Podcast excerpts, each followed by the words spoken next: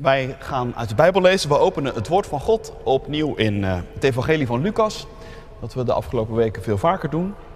En we zijn inmiddels in Lucas 22. We lezen dat vanaf vers 63. Een paar weken geleden ging het over de gelijkenis die Jezus vertelt over de, de arbeiders in de wijngaard, de pachters, die uh, niet alleen de knechten eruit gooien, maar zelfs de erfgenaam doden. Nou, dat blijken profetische woorden te zijn, want de rest van het evangelie wordt ons verteld hoe dat zo ongeveer in zijn werk ging. En we lezen dat vanaf vers 63 in Lucas 22. De mannen die Jezus gevangen hielden, dreven de spot met hem en geeselden hem. Ze blinddoekten hem en ze zeiden: Profeteer nu maar. Wie is het die je geslagen heeft? En ze zeiden nog tal van andere lasterlijke dingen tegen hem. Toen het dag werd, kwam de raad van oudsten van het volk bijeen. Hoge priesters, zowel als schriftgeleerden. En ze leidden hem voor in hun raadszitting. En ze zeiden: Als u de Messias bent, zeg het ons dan. Maar Jezus antwoordde: Als ik het u zeg, gelooft u mij toch niet? En als ik een vraag stel, antwoordt u toch niet. Maar van nu af aan zal de mensenzoon gezeten zijn aan de rechterhand van de Almachtige. En toen zeiden allen, u bent dus de zoon van God. Hij antwoordde, u zegt dat ik het ben.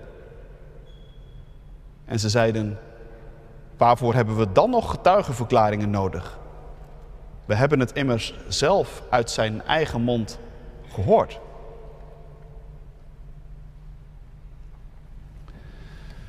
Tot zover de lezing uit het Evangelie. Dit is het woord van God vandaag voor ons. En gelukkig zijn we als we dat woord horen, het bewaren in ons hart en daaruit leven.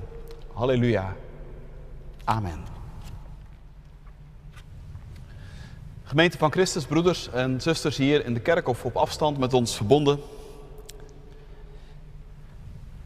Het proces tegen Jezus begint volgens de evangelist Lucas met een marteling in het huis van de hoge priester. Een marteling. Dat is een officiële oorlogsmisdaad. De meeste van ons hebben daar godzijdank geen ervaring mee. Maar we weten dat het gebeurt in onze wereld. Guantanamo Bay en de Abu Ghraib-gevangenis, dat zijn klinkende namen van oorden vol ellende. En wie weet komt in de toekomst aan het licht dat het ook gebeurd is in de oorlog die nu inmiddels een maand bezig is, aan de oostgrenzen van ons werelddeel. Martelen. Wel goed om te bedenken dat dat niet alleen maar gebeurt op plekken die je onderontwikkeld zou kunnen noemen. En ook niet alleen door mensen die wonen in landen waar de moderne westerse beschaving nog niet zo ver is doorgedrongen. Ook Amerika heeft op het gebied van martelen een twijfelachtige naam. En zo af en toe komen er zelfs berichten dat VN-militairen zich er schuldig aan maken. Hier in Lucas 22 verandert niets minder dan het huis van de hoge priester. Zomaar in een folterkamer. Je krijgt het in je hoofd amper bij elkaar. En toch gebeurt het.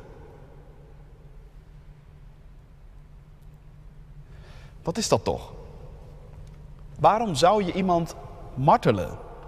Nou ja, zeg je, om informatie los te krijgen natuurlijk. Soms is dat nodig om de hand te kunnen leggen op belangrijke gegevens. Stel je voor, je weet dat iemand ergens een bom heeft neergelegd en je hebt hem te pakken. Hij weigert de plek te noemen waar dat aftikkende gevaar zich bevindt. Nou, dan zijn er nog best wel een paar manieren om iemand aan het praten te krijgen. Goed, dat zou kunnen. Maar Lucas, de evangelist, legt vanmorgen een nog diepere laag bloot. De mannen die Jezus vasthielden, vertelt hij, bespotten hem en sloegen hem. Ze gooiden een doek over zijn hoofd en vroegen daarna: Profeteer eens, wie heeft u geslagen? Dat is geen martelen om informatie los te krijgen.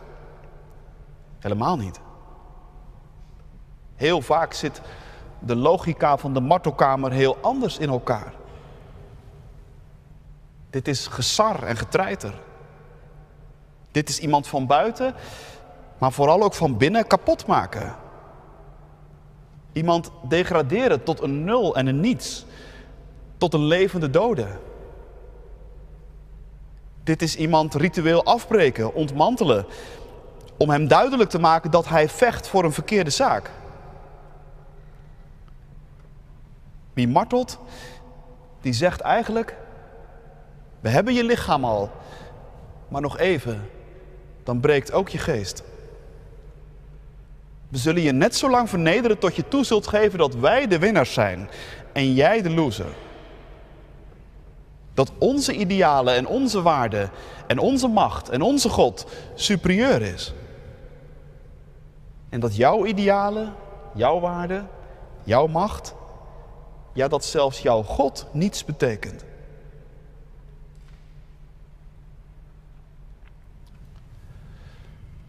Martelen.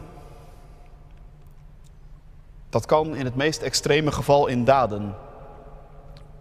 Maar dacht ik, zou het iets dichterbij ook niet met woorden kunnen? Je kunt ook met je vlijmscherpe tong iemand neersabelen. Hem of haar laten beseffen, je bent niets. Misschien weet jij wel iets van hoe dat werkt. Omdat je weet hoe het moet. Of omdat je weet hoe het voelt. Hier gebeurt het met Jezus. Met woorden en daden proberen ze hem te breken en stuk te maken. Die doek over zijn hoofd, meteen aan het begin van het proces, voor er amper een woord gewisseld is, die is zo veelzeggend. Jezus kan niets meer zien. Zijn zicht wordt hem ontnomen. En ook de mensen die naar hem kijken, kunnen hem niet meer zien. Hij is onherkenbaar geworden. En dat blijkt ook precies de bedoeling dat Jezus onherkenbaar wordt. Dat jij en ik niets meer in Hem zullen zien. Dat we op geen enkele manier iets herkennen in Hem van onze God, onze redder, onze verlosser. Hij wordt letterlijk bedekt. Zoals je een laken trekt over een misdaadslachtoffer.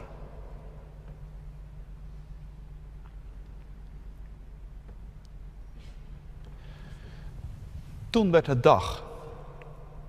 Dat schrijft Lucas in vers 66. Je merkt dat martelen, dat is dus blijkbaar s'nachts gebeurd. Hoe kan het ook anders? Zulke praktijken kunnen het daglicht niet verdragen. En de nacht die versterkt bovendien de bedoelingen van de folteraars. Want in de nacht kun je elkaar moeilijk herkennen. Laat staan met een doek over je hoofd. Maar nu schrijft Lucas dus, toen werd het dag. Ik denk dat is een veelzeggend detail. Want overdag, jongens en meiden, kun je elkaar zien. dan kun je elkaar moeiteloos herkennen. Wat in de nacht onherkenbaar is, dat komt op de dag aan het licht. En Lucas bedoelt dat hier meer dan letterlijk. Want deze dag, deze dag zal de dag zijn waarop Jezus' ware identiteit echt aan het licht zal komen. Dit zal de dag worden van de grote ontdekking. De folteraars proberen Jezus voorafgaand aan het proces al te breken, onherkenbaar te maken. Zodat wij allemaal zouden gaan zeggen, inderdaad, het is ook helemaal niks met Jezus. Moet je eens kijken, wat een beschamende vertoning. Als je in Hem iets ziet, ja, dan moet je toch wel helemaal de kluts kwijt zijn. Maar hun nacht, zegt de evangelist, loopt een keer ten einde. Het wordt ook weer dag. En op de dag komen de dingen aan het licht. En op deze dag komt alles aan het licht.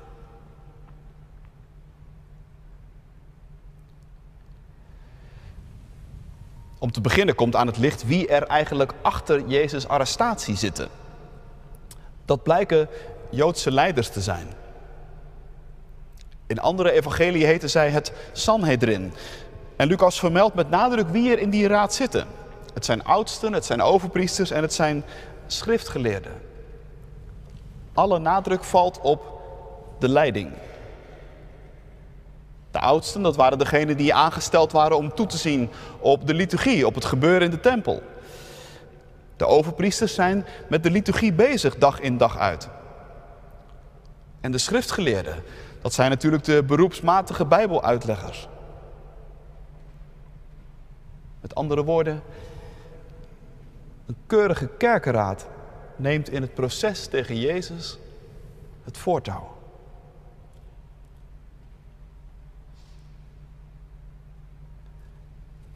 Ik vind dat eigenlijk een heel aangrijpende gedachte. Dat religieuze mensen het voortouw nemen in het proces tegen Jezus. De godsdienstige elite gaat voorop. Dat kan dus blijkbaar. Hoe kan het zover komen, zeg je? Nou, als we vanmorgen goed kijken, dan wordt één ding al snel duidelijk. Het kan zover komen omdat deze religieuze leiders helemaal vastzitten in hun ideeën. En dat blijkt uit de antwoorden die zij geven op de vraag van Jezus. Nee, uit het antwoord van Jezus op hun vraag of hij misschien de Christus is. De Christus, dat is de gezalfde. Dat is de Messias. Dat is degene die door God beloofd was om redding te brengen. Eh, daar zag iedereen in die tijd naar uit. Maar nu is er iemand opgestaan waarvan wordt beweerd dat hij misschien wel die lang verwachte Messias zou zijn. En dan blijkt dat er op deze Messias toch helemaal niet zo gewacht werd eigenlijk.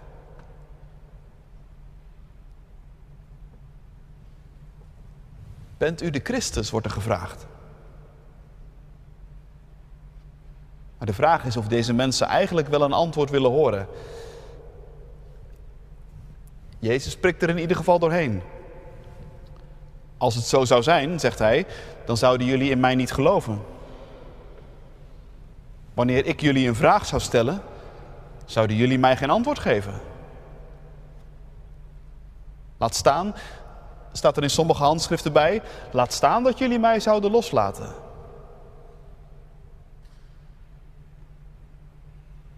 Jezus wil met andere woorden aangeven dat zijn vonnis al lang geveld is. Het is al lang duidelijk wie aan welke kant van de streep staat. Daar is helemaal geen proces voor nodig. Vandaar ook die marteling meteen aan het begin, zonder ook maar enige vorm van verhoor of proces. Dat is geen vergissing, dat is geen incident. Nee, dat past helemaal in het patroon. Voor de mensen die hier de leiding pakken, staat al lang vast wie Jezus is. Zij hebben helemaal hun eigen ideeën ontwikkeld over God, over geloof, over redding, over de Messias. En zo keren ze zich met al hun religie tegen God.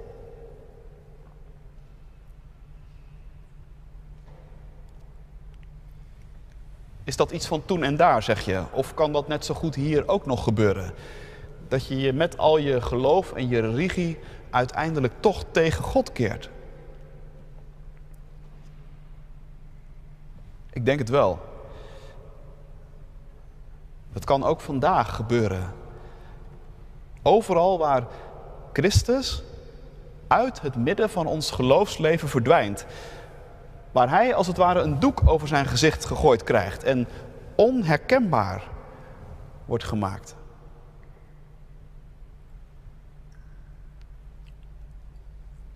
Dat gebeurt bijvoorbeeld als we God terugbrengen tot een soort hemelse boekhouder die goed en kwaad zorgvuldig bijhoudt. en te zijner tijd de afrekening houdt. Met als geloofsbeleidenis, ik heb toch altijd netjes geleefd, dus dan heb ik toch niks te vrezen.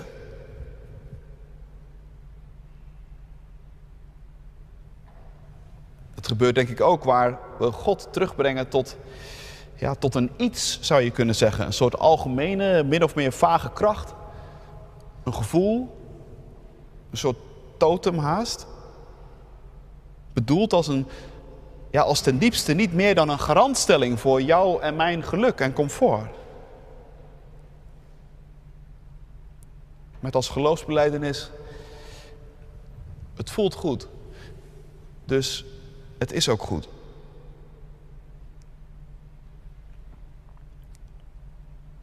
Nu ja, zo kun je ongetwijfeld nog veel meer manieren bedenken waarop, waarop je Christus onherkenbaar kunt maken. Maar de telkens terugkerende vraag aan jou en aan mij is: Mag God te midden van al onze ideeën over Hem ook zelf nog zeggen wie Hij is? Krijgt Hij in je leven de kans om iets van zichzelf aan je te laten zien?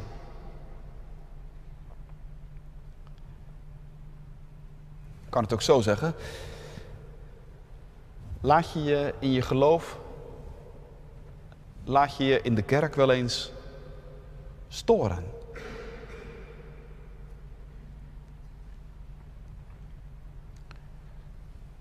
Met dat je hier bent, geef je eigenlijk op die vraag al het begin van een antwoord. En zeg je ja. Want dit is de plek waar we al onze eigen ideeën over God proberen even aan de kant te zetten. Waar we ons stil worden, stil worden voor Hem. Het stilmaken in onszelf, zodat, zodat God aan het woord kan komen. Dit is de plek waar we eigenlijk week in week uit tegen elkaar zeggen: Laat het maar dag worden, Heer, alstublieft. Want zolang het nacht is, zitten we verstrikt in alles wat we over u denken en wordt het nooit wat. Wij trekken u elke keer weer doeken over uw gezicht. Als het aan ons ligt, maken we van u telkens weer een onherkenbare karikatuur. En met al onze religie en ons geloof kunnen we zomaar tegen u zijn.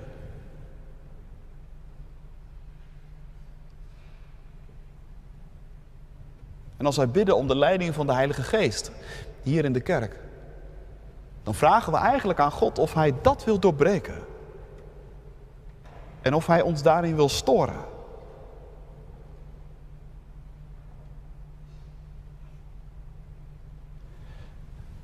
En God dank is de ervaring ook dat dat gebeurt. Dat als je dat vraagt, dat God dan inderdaad naar je toe komt. Om aan jou duidelijk te maken wie Hij echt is.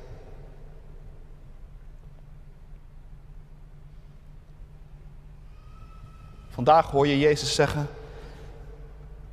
Van nu af aan zal de mensenzoon gezeten zijn aan de rechterhand van God. Dat is een heel onthullende uitspraak. De vraag van de mensen was: Bent u de Christus? Bent u de lang verwachte redder? Bent u de Messias? Jezus geeft op die vraag geen rechtstreeks antwoord. In plaats daarvan zegt hij: Van nu af aan zul je de mensenzoon zien zitten aan de rechterhand van de Almachtige. Beetje cryptische zin misschien, maar je moet bedenken dat net als het woord Christus ook het woord mensenzoon, zeker voor de mensen van toen, een woord was met een enorme lading.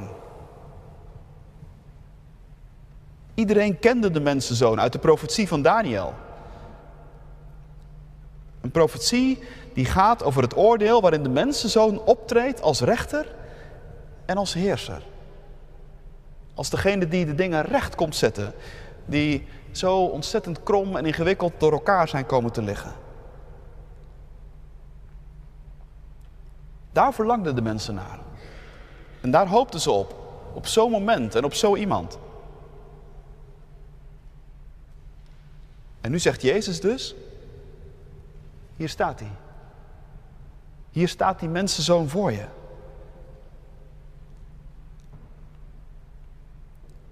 Moet je even bedenken dat je een gemartelde, gefolterde man voor je ziet staan. En die zegt, ik ben de mensenzoon. Ik ben de rechter van hemel en aarde. Ik sta hier recht voor je neus. Je kunt nachtenlang met mij sollen. Je kunt me je hele leven folteren en martelen, bij wijze van spreken. Je kunt continu doeken over mijn hoofd trekken.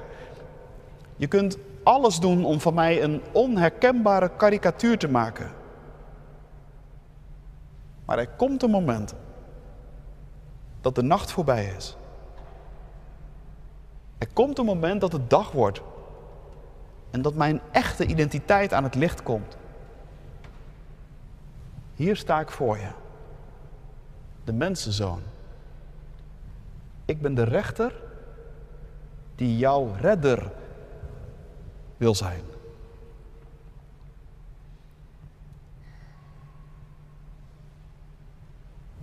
Dat is het geheim wat hier gebeurt. God die onze rechter is, komt naar ons toe in Jezus als onze redder. En hoe? Wij dienen een God die het oordeel voltrekt aan zichzelf. Omdat Hij niet wil dat jij en ik ten onder zullen gaan.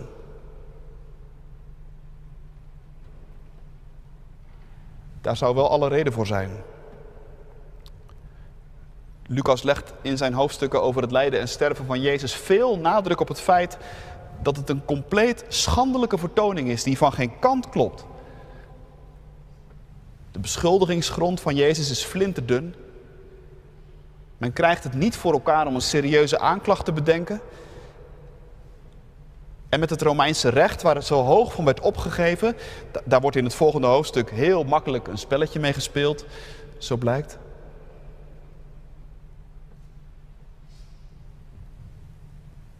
In wezen zou je kunnen zeggen, veroordeelt Jezus dan ook zichzelf? Hij velt zijn eigen vonnis. Het recht deugt niet. Daar moet hij het niet van hebben. De rechter zelf, zegt het lied dat we straks zullen zingen, de rechter zelf gaat aan het recht ten onder. En tegelijk is het zo dat op een hele diepe, verborgen en geheimzinnige manier Jezus in dit gebeuren ook de regie in handen heeft.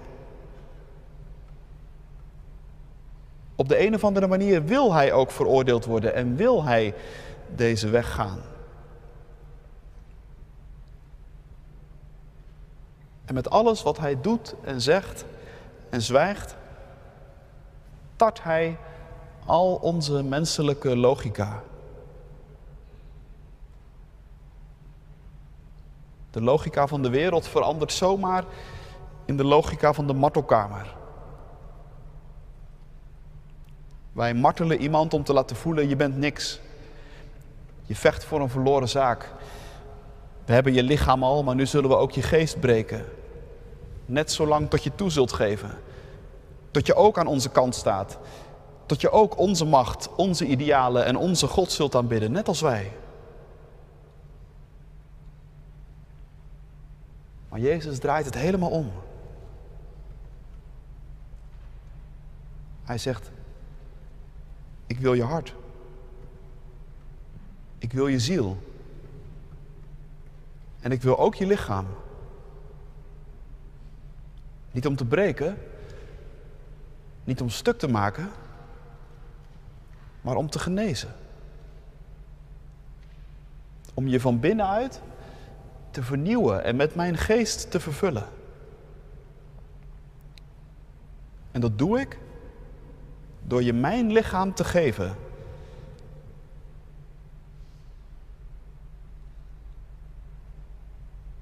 De logica van de martelkamer zegt: geef me je lichaam, dan zullen wij het breken. Jezus zegt: hier is mijn lichaam. Het is gebroken. Niet om, niet om tot een vernietiging te komen, maar tot een volkomen verzoening voor al je zonden.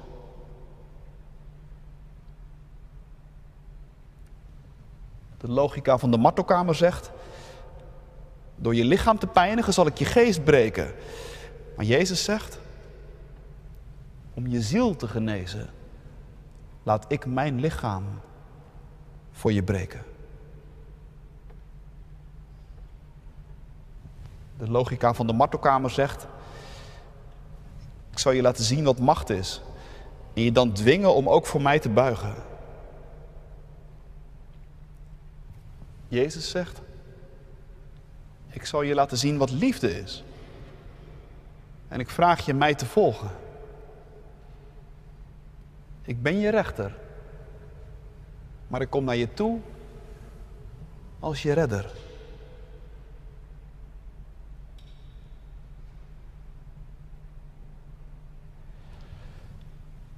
Het is dag geworden. De nacht is voorbij. Dat wat het moment van de totale bedekking had moeten worden, dat wordt het begin van de ontdekking. Alles komt aan het licht. Wij mensen komen aan, ons licht, aan het licht.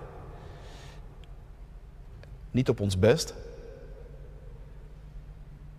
Maar ook Christus komt aan het licht. Hij die de mensenzoon is, onze rechter.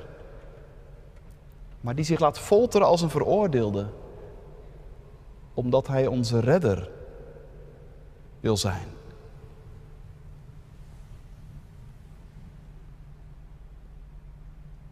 Als je denkt, hier snap ik nou echt helemaal niks van, dan geeft dat niet. Christus is bezig om van binnenuit ons te veranderen. Ons anders te laten denken in de geest van zijn koninkrijk. Daarom laat hij zichzelf veroordelen, zodat jij en ik vrij uit kunnen gaan. En dat is de enige hoop dat er ooit een einde komt aan de logica van de martelkamer. Dat er ooit een einde komt aan de martelkamer zelf.